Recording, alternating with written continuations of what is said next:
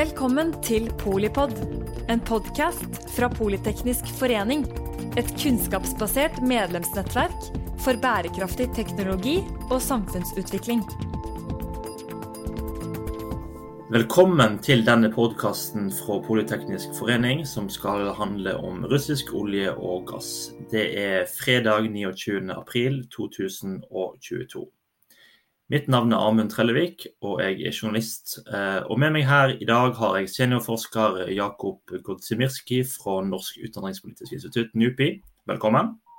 Velkommen. Jakob, du har jobba med NUPI eh, siden 1995 og kjenner godt til russisk sikkerhets- og utdanningspolitikk. På et tidspunkt fortalte du, så skjønte du at eh, energi er en del av russisk sikkerhetspolitikk. Og du er nå en velkjent ekspert på hvordan energi blir brukt av president Putin som ett av flere våpen for å ramme Europa ved jevne mellomrom. Eh, vi skal i dag snakke om, om fossilt brensel fra Russland, eh, men først vil jeg spørre deg. Mm, Russland har de siste dagene varsla at de kommer til å stanse eh, og levere gass til både eh, Pol og Bulgaria. Hva, hva konsekvenser får det for disse to landene?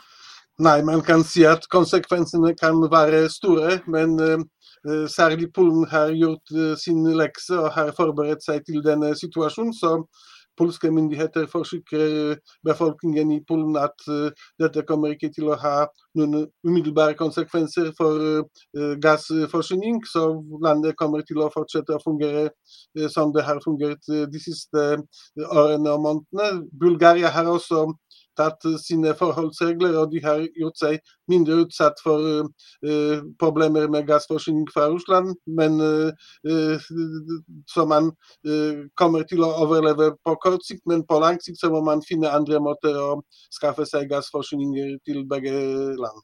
Ja, Hva alternativ har da Polen og Bulgaria? Polen har valgt å eh, bygge eh, elementer av infrastruktur som gjør Polen mindre utsatt for dette gasspresset fra Russland. Det er flere av disse elementer. For det første så har man eh, tatt en beslutning for flere år siden om at man skal bygge en LNG-terminal i nærheten av den tyske grensen, som kan gjøre det mulig å importere gass i en annen form og fra andre gassleverandører til Polen når man utvider eh, denne LNG-terminalen i dag, så på lang sikt så skal den dekke bortimot en tredjedel av Polens gassbehov. Og så har man eh, satset på å bygge såkalte interconnectors, dvs. Si koblinger mellom det polske gassnettet i andre land. Eh, 1. mai skal man eh, avslutte arbeidet med en kobling mellom det polske og det litauiske gassnettet. Man har utvidet koblinger mellom det polske og det tyske, det polske og det slovakiske, så dette kommer også til å hjelpe Polen. Og så har man satset på et ambisiøst eh, prosjekt og det å få tilgang til den norske gassen. Og mot slutten av 2022 eh, så skal Polen kobles til norske gassfelt gjennom Danmark, og det skal åpne for import av opptil 20 eh, milliarder kubikkmeter av norsk gass til 10 milliarder av kubikkmeter av norsk gass til Polen, som ville dekke bortimot halvparten av polske gassbehov. Så både på kort sikt og på lang sikt er Polen godt forberedt. Når det gjelder Bulgaria, så har de koblet seg til det greske gassnettet og kan importere gass via Hellas. Jeg skjønner. Du nevnte et stikkord, LNG. Vi må rydde litt i begrepsbruken eh, hva gjelder gass. Kan du forklare oss hva, eh, hva betyr LNG-gass, og hva er forskjellen på LNG-gass og det som man kan kalle vanlig gass, som går gjennom store rør? både LNG og det du beskriver som vanlig gass, er vanlig naturgass som utfinnes eh, også i felt som inneholder olje. Men forskjellen er måten dette fraktes til markedet. Den vanlige gassen sendes via rørledninger som bygges mellom gassfelt og gassmarkeder. Og Da innebærer det også at man bygger en slags rigid infrastruktur som koster masse penger å bygge, og som må vedlikeholdes. Mens LNG er rett og slett den samme gassen som sendes til markeder i en annen form. Det LNG står for liquefied natural gas. Det vil si at man bruker en del teknologiske prosesser for å gjøre denne gass i, til flytende form.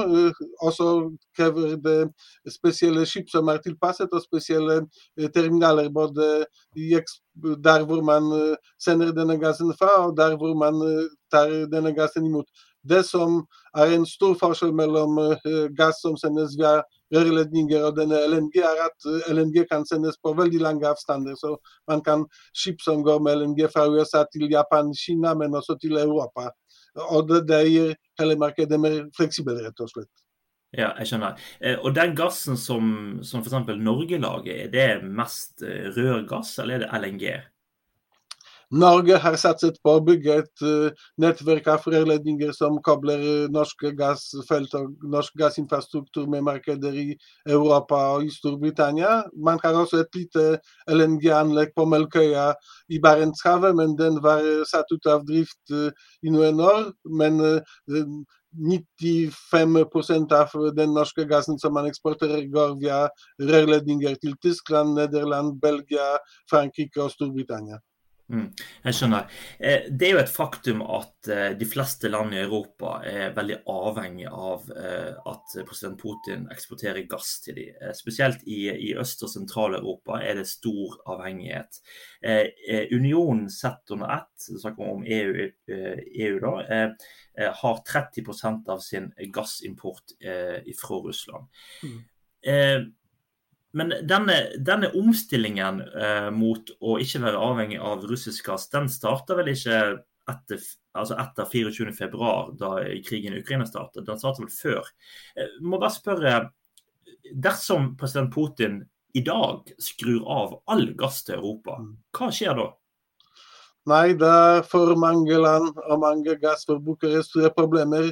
Eh, den eh, russiske gassen dekker bortimot mellom 30 og 40 av eh, den de europeiske gassbehov, men det er også veldig avhengig av hvilke land man snakker om. fordi noen land importerer veldig mye av den russiske gassen. F.eks. i tilfelle Finland så dekker den russiske gassen bortimot 100, mellom 95 og 100 av finske gassbehov. Det er også land som Tyskland som dekker en litt mindre andel gassbehov ved å importere gass fra Russland, men derimot så importerer de veldig store mengder av den russiske gassen, så det gir også dem i en litt mer utsatt posisjon. Og så er det en del land som er helt uavhengig av den russiske gassen, men alt i alt kan man si at bortimot 8 av EUs samlede energibehov dekkes av den gassen som man importerer fra Russland. Og Det er mye, men samtidig så er det noen som mener at det går an å gjøre seg helt uavhengig av denne gassen. Men det, Hvordan det da? Nei, det er, gassen brukes stort sett til tre formål. Til oppvarming, til industri, og så brukes gassen i enkelte land også til å produsere strøm. Så hvis man gjør noe med disse tre ting, så kan man redusere uh, importen av den russiske gassen. Man sier f.eks. at hvis man skrur ned uh, temperaturen i uh, med et grad, en celsiusgrad, da kan man importere mindre fra Russland. Hvis man satser på en mer effektiv bruk av energi, da kan man også mindre behov for russisk gass. Hvis man minimerer bruken i industrien, så kan også denne russiske gassen bli mindre nødvendig. Men det krever tiltak som man ikke kan implementere over natten, så det vil ta lang tid. og Det vil si at på kort sikt så er det veldig mange som kan oppleve store problemer. Mm. Og, og, Da kan man kanskje si at uh, Norge er en sentral del av, av løsninga for å gjøre Europa mindre avhengig av, av Putins gass. Da, uh, både ved at Norge produserer gass som man selger til Europa, nye rørledninger, mm. men også kanskje nye norske strømkabler til kontinentet. Da, at man kan få strøm til europeiske land på en annen måte enn, enn via gass. Er det riktig? Norge er en viktig aktør på det europeiske energimarkedet. Norge forsyner EU med ca. 20 av den gassen EU trenger for å kunne overleve. Også litt mindre enn 10 av den oljen som EU trenger, kommer fra Norge. Men Norge har begrensede muligheter til å til, til å sin gassproduksjon pga. Uh, mangel av nye felt, pga. mangel av uh, infrastruktur som uh, gjør det mulig å sende større mengder av gass. Hvis vi tenker norsk og russisk gass på EU-markedet Norge eksporterer opptil 130, kanskje 135 milliarder kubikkmeter gass til EU. Der går grensen for Norge, mener mange. Og så uh, eksporterte Russland i fjor 155 milliarder kubikkmeter gass til EU. Så størrelsesorden er det nesten det samme, ikke sant? men uh, hvis Russland trekker disse 155 milliarder fra det europeiske gassmarkedet, da kan ikke Norge uh, fylle dette tomme rommet. Når det gjelder norske kabler, som har fått veldig mye oppmerksomhet, særlig her i Sør-Norge, hvor vi må betale veldig høye strømpriser, så sier man at det er et viktig tiltak, men det er ikke noe som kan erstatte gass fra Russland. fordi denne energien som man kan eventuelt eksportere fra Norge, utgjør bare en liten brøkdel av den gassen som man eksporterer fra Norge, og enda mindre brøkdel av den russiske gassen. Så det er noe som kan hjelpe, men det er ikke noe som kan løse dette store gassproblemet i Europa. Jeg skjønner. Um, eh, EU og land i Europa er jo avhengig av russisk gass. Men eh, Russland er vel også avhengig av å selge gassen til EU? Det er riktig. Man har skapt en slags gjensidig avhengighet. EU er i behov, trenger rett og slett den russiske gassen for å dekke sine gass- og energibehov. Men Russland trenger også tilgang til det europeiske gassmarkedet, fordi Russland produserer mye gass. Bare to tredjedeler av denne gassen som Russland produserer, forbrukes på hjemmebanen mens en tredjedel av denne gassen må uh, gå til andre markeder. og Russland har satset uh, på å bygge uh, en nokså komplisert infrastruktur for å eksportere denne gassen. Fortsatt bortimot 80 av den gassen som Russland eksporterer, går til det europeiske gassmarkedet. Russland kan ikke omdirigere denne gassen til andre markeder pga. manglende infrastruktur. Russland har riktignok utviklet en del LNG-kapasiteter, men de representerer kun en liten bragdel av den russiske gasseksporten. Mm, altså, så Det betyr at hvis, hvis president Putin eh, i dag stenger alle kranene og alle rørene til Europa, så kan ikke han bare åpne et nytt rør til India eller til Kina? Han kan eh, ha uh, sånne planer, men uh, det kommer ikke til å skje før om fem, seks eller ti år. og Det kommer også til å koste masse penger. Man har riktignok en plan om å bygge en rørledning mellom disse russiske gassfelt som forsyner Europa med gassen til Kina, men det er fortsatt i en slags veldig tidlig fase. Man Eh, tror at dette kan komme først om ti år, kommer til å koste masse eh, penger. Og så vil det også gjøre Russland mer avhengig av tilgang til det kinesiske gassmarkedet, som kan også by på en del eh, problemer. Jeg skjønner, OK. Mm. Eh, litt av problemet her eh, mellom Russland og Polen og Bulgaria har jo vært at eh, disse to landene, altså Polen og, og Bulgaria, har ikke hatt, vært villige til å betale for gass i rubler. Kan du bare forklare oss hva som ligger her som konflikt? Det er to momenter der. Når Putin kom på banen og sa at eh, de som importerer russisk gass, og da refererte han til en gruppe land som han beskrev som uvennlige land. Eh, da foreslo han at de skal gjøre opp for seg i rubler, selv om eh, de kontraktene man har med Russland, de på en måte krever betaling i dollar eller i euro.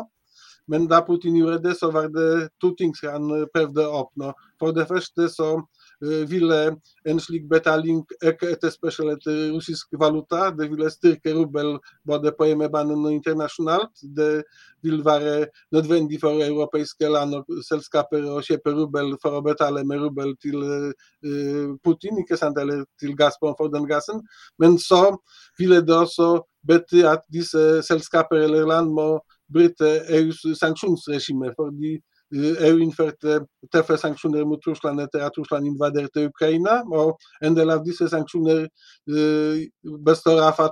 skal ha noen koblinger til den russiske sentralbanken. Og hvis man skulle betale rubler, så må man veksle euro mot rubler i den russiske sentralbanken, og det ville bety brudd på EUs sanksjoner. Så, så det er to ting. Og det tredje som han prøver å oppnå, er også litt også undergrave dette samholdet som EU har vist etter Ukraina-krigen. ikke sant? Alle EU-land gikk med på å innføre sanksjoner, og det hadde vært best hvis alle hadde stått imot dette presset mot å betale rubler. Så hvis noen land eller selskaper velger å betale rubler, så ville det undergrave dette samholdet i EU også. Det er også et mål som Putin ser for seg. Mm, og det, det, har jo kommet melding nå om at et land som Ungarn er villig til å betale i i rubler her. Um, jeg, bare ser på, på, på oversikten over, over, land som er veldig avhengig av, uh, av, russisk gass. Altså, du nevnte Finland her, som har nesten hele sitt behov. Og så har du jo mindre land som Moldova og Bosnia og, og Nord-Makedonia, som er omtrent 100% avhengig av uh, av russisk gassimport. Du nevnte det her med, tidligere om at du på et tidspunkt forsto at energi er en helt sentral del av russisk sikkerhets- og utenrikspolitikk. Kan du bare forklare mer altså, hvordan Putin tenker rundt akkurat energi som våpen? Det er flere momenter som gjør energi viktig. For det første så er energi å få tilgang til energi viktig for Russland selv, fordi de må dekke sine egne energibehov. Vi har med et land som uh, ligger uh, som, uh, i nordområder, ikke sant? så behovet for energi der er veldig stort, fordi man må varme opp og produsere ting osv. Så, videre. så Så det er den ene dimensjonen. Eh, den andre dimensjonen er at uh, energiressurser er viktige fordi det hjelper Russland å bygge forskjellige typer relasjoner med omverdenen. Når man sender russisk gass eller olje til andre land, så bygger man ikke bare økonomiske relasjoner, men det gir også Russland en mulighet til å påvirke andre land, rett og slett. Fordi hvis man f.eks. velger å kreve lavere priser for disse energiforsyninger, så kan det skape litt godvilje i disse land. Og så kan man også få tilgang til en del politiske beslutningstagere som man kan påvirke. ikke sant? Det, man sier at det som følger med russisk olje og gass, er også denne korrupsjonskulturen. ikke sant? Og det har vi sett allerede. Den tidligere uh, tyske kansleren Gerhard Schreder er et godt eksempel på hvordan man kan bli korrumpert for å få tilgang til disse energiressurser. Så det, det er den andre dimensjonen. Den tredje dimensjonen er at det å produsere og eksportere energi skaper masse inntekter, rett og slett. Bortimot 60-70 av russiske eksportinntekter kommer fra eksport av energiressurser. og det er et viktig moment. ikke sant? Det uh, hjelper Russland med å bygge uh, valutareserver, gullreserver osv. Og så er det slik at uh, gass og, eller petroleumsinntekter dekker også en stor andel av Opptil 50 av budsjettinntekter i Russland kommer fra petroleumsrelatert virksomhet. Og det Russland veldig avhengig av disse petrol, petrodollarer og gassdollarer og hva det måtte bli. Fordi Russland hadde ellers ikke i stand til å del prosjekter på hjemmebanen som opprustning eller forskjellige typer sosiale programmer som sikrer stabilitet i Russland. Så det, det, er disse fire momenter som gjør energi så viktig, rett og slett. Ok, så, så, det du egentlig kan si, da, satt litt på spissen nå, er at eh, europeisk kjøp av russisk eh, olje og gass har gjennom mange, mange år eh, blitt brukt til å bygge opp det russiske militæret, har vært eh, mm. brukt til å bygge opp den russiske sikkerhetstjenesten, det russiske politiet, som nå går rundt på gatene i, mm. i byene og banker opp fredelige mm. demonstranter. Pengene blir brukt på krigen i Ukraina. Det kan man si etter en måned med denne krigen, så har man sett på hva Russland har tjent på uh, salg av energiressurser til uh, EU. og Det viste seg at i løpet av denne første måneden så tjente Russland bortimot 35 milliarder euro på salg av olje, gass og petroleumsprodukter til EU. og Det betyr at det gikk bortimot 1 milliard euro per dag til Russland. og Dette var med på å finansiere denne krigen også, fordi man trenger masse penger for å drive med krig. og man sier på mange måter at de har selv bidratt til dette store Russlandsproblemet ved å kjøpe russisk gass og olje. Men det er situasjonen også mer sammensatt enn bare det. Men på kort sikt, og, kort sagt så kan man si at det har definitivt bidratt til at Russland kunne ruste opp og bruke disse nye militære kapabiliteter til å skape trøbbel ved Europas grenser, rett og slett. Mm. Eh, da det ble kjent at uh, Russland stengte gasseksport til, til Polen og Bulgaria, så var da EU-kommisjonens leder Ursona von der Leyen ute og, og, sa at dette var et forsøk på utpressing fra russisk side. Eh, har hun et poeng der, eller er ikke dette bare helt legitim eh, politikk i en, i en, krigstid der også Russland er veldig sanksjonert fra EU sin, sin side? Man kan si at Russland, som alle andre land, har forskjellige typer instrumenter i sin strategiske verktøyskasse. ikke sant? Man snakker gjerne om diplomatiske instrumenter, informasjonsrelaterte instrumenter, militære instrumenter, som vi har sett Russland bruke mot Ukraina de siste to månedene. Og så har man den økonomiske dimensjonen. Energi faller under økonomiske og man og mange andre land avhengig av seg selv fordi man er en viktig leverandør av energi. Det gjør også noe med dette politiske forholdet. Det har vært veldig mange som har varslet gjennom ti år om at Russland kan bruke disse energiforsyninger for å presse ut for, press, for, å legge press på andre land. og Det er det vi ser i dag, og det, har, det vi har sett også før. For F.eks. Russland uh, brukte uh, uh, gasseksport gass til å diversifisere de land som viste mer velvilje mot Russland, måtte betale lavere pris for gass. De land som Russland oppfattet som mer problematiske, ble tvunget til å betale høyere priser. Det er også en måte å bruke disse energiressursene på en politisk måte for å oppnå en del målsettinger, rett og slett. Mm. Vi skal straks snakke litt mer om, om, om Tyskland og en, og en, veldig kontroversiell og kjent gassrørledning. Men uh, først må jeg bare spørre deg. Uh, en del av disse gassrørene i, fra Russland til Europa går jo uh, gjennom Ukraina. Og der er det jo en krig nå.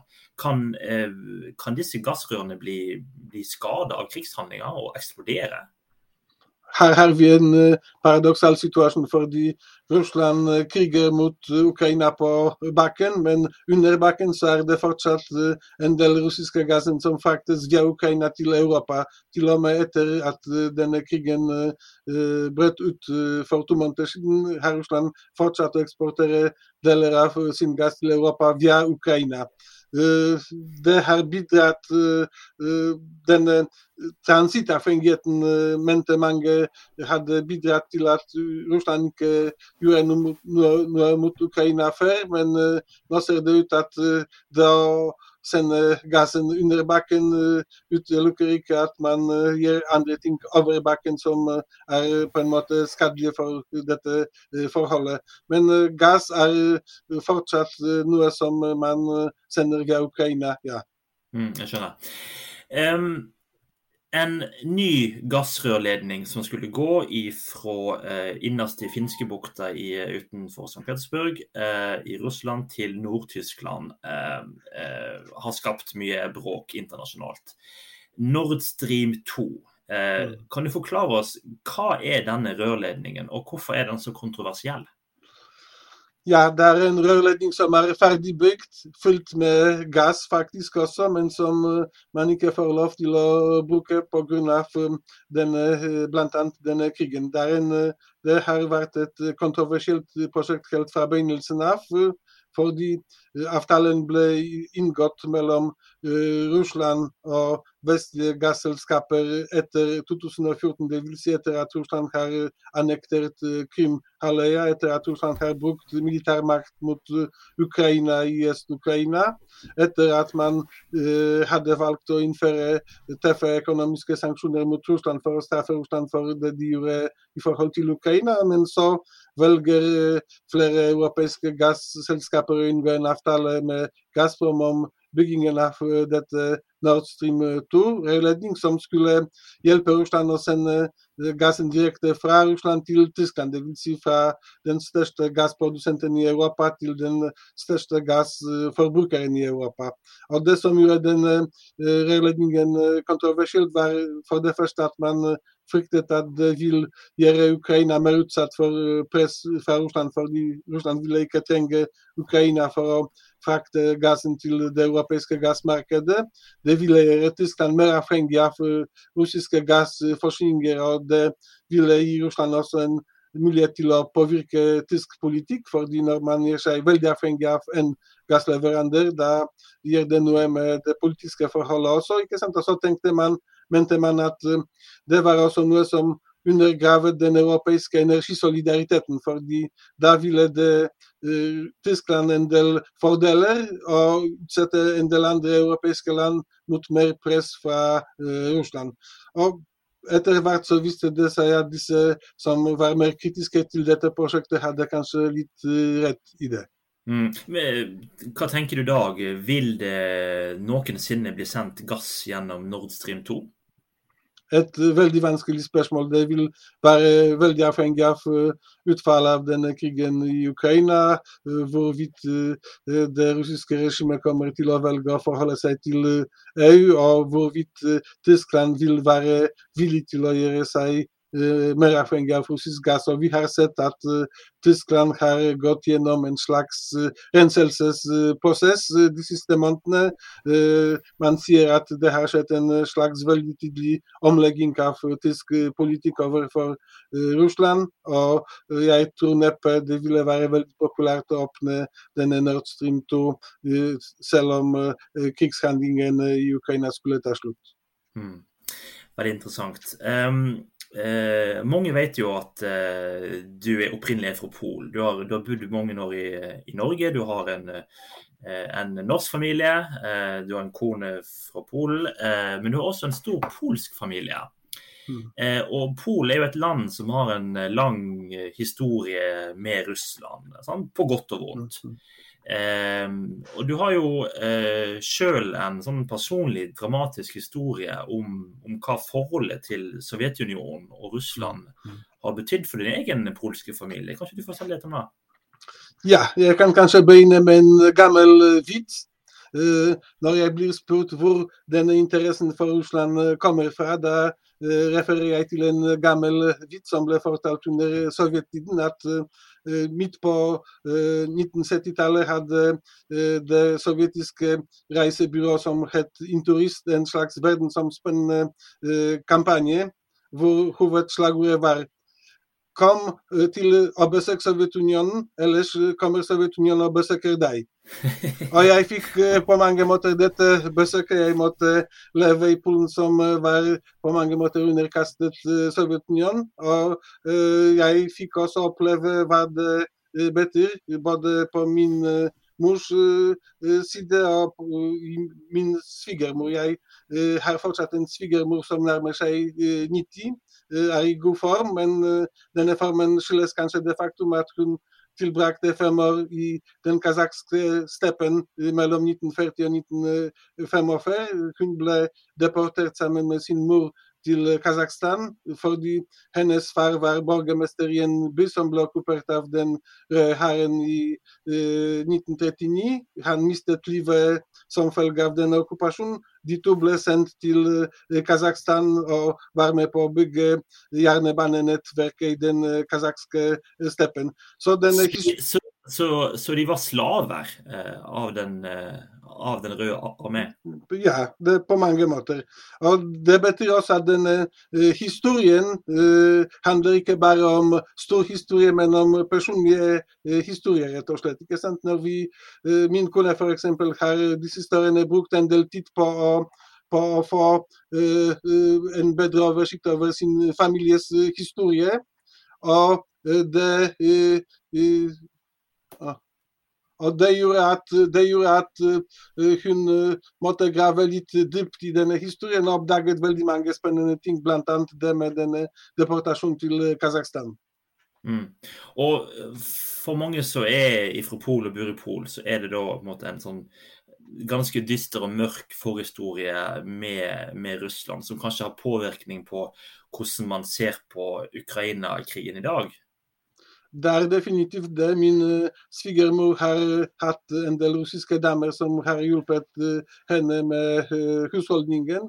Og disse damene kommer med jevne mellomrom og forteller historier om sine sønner som blir sendt til fronten.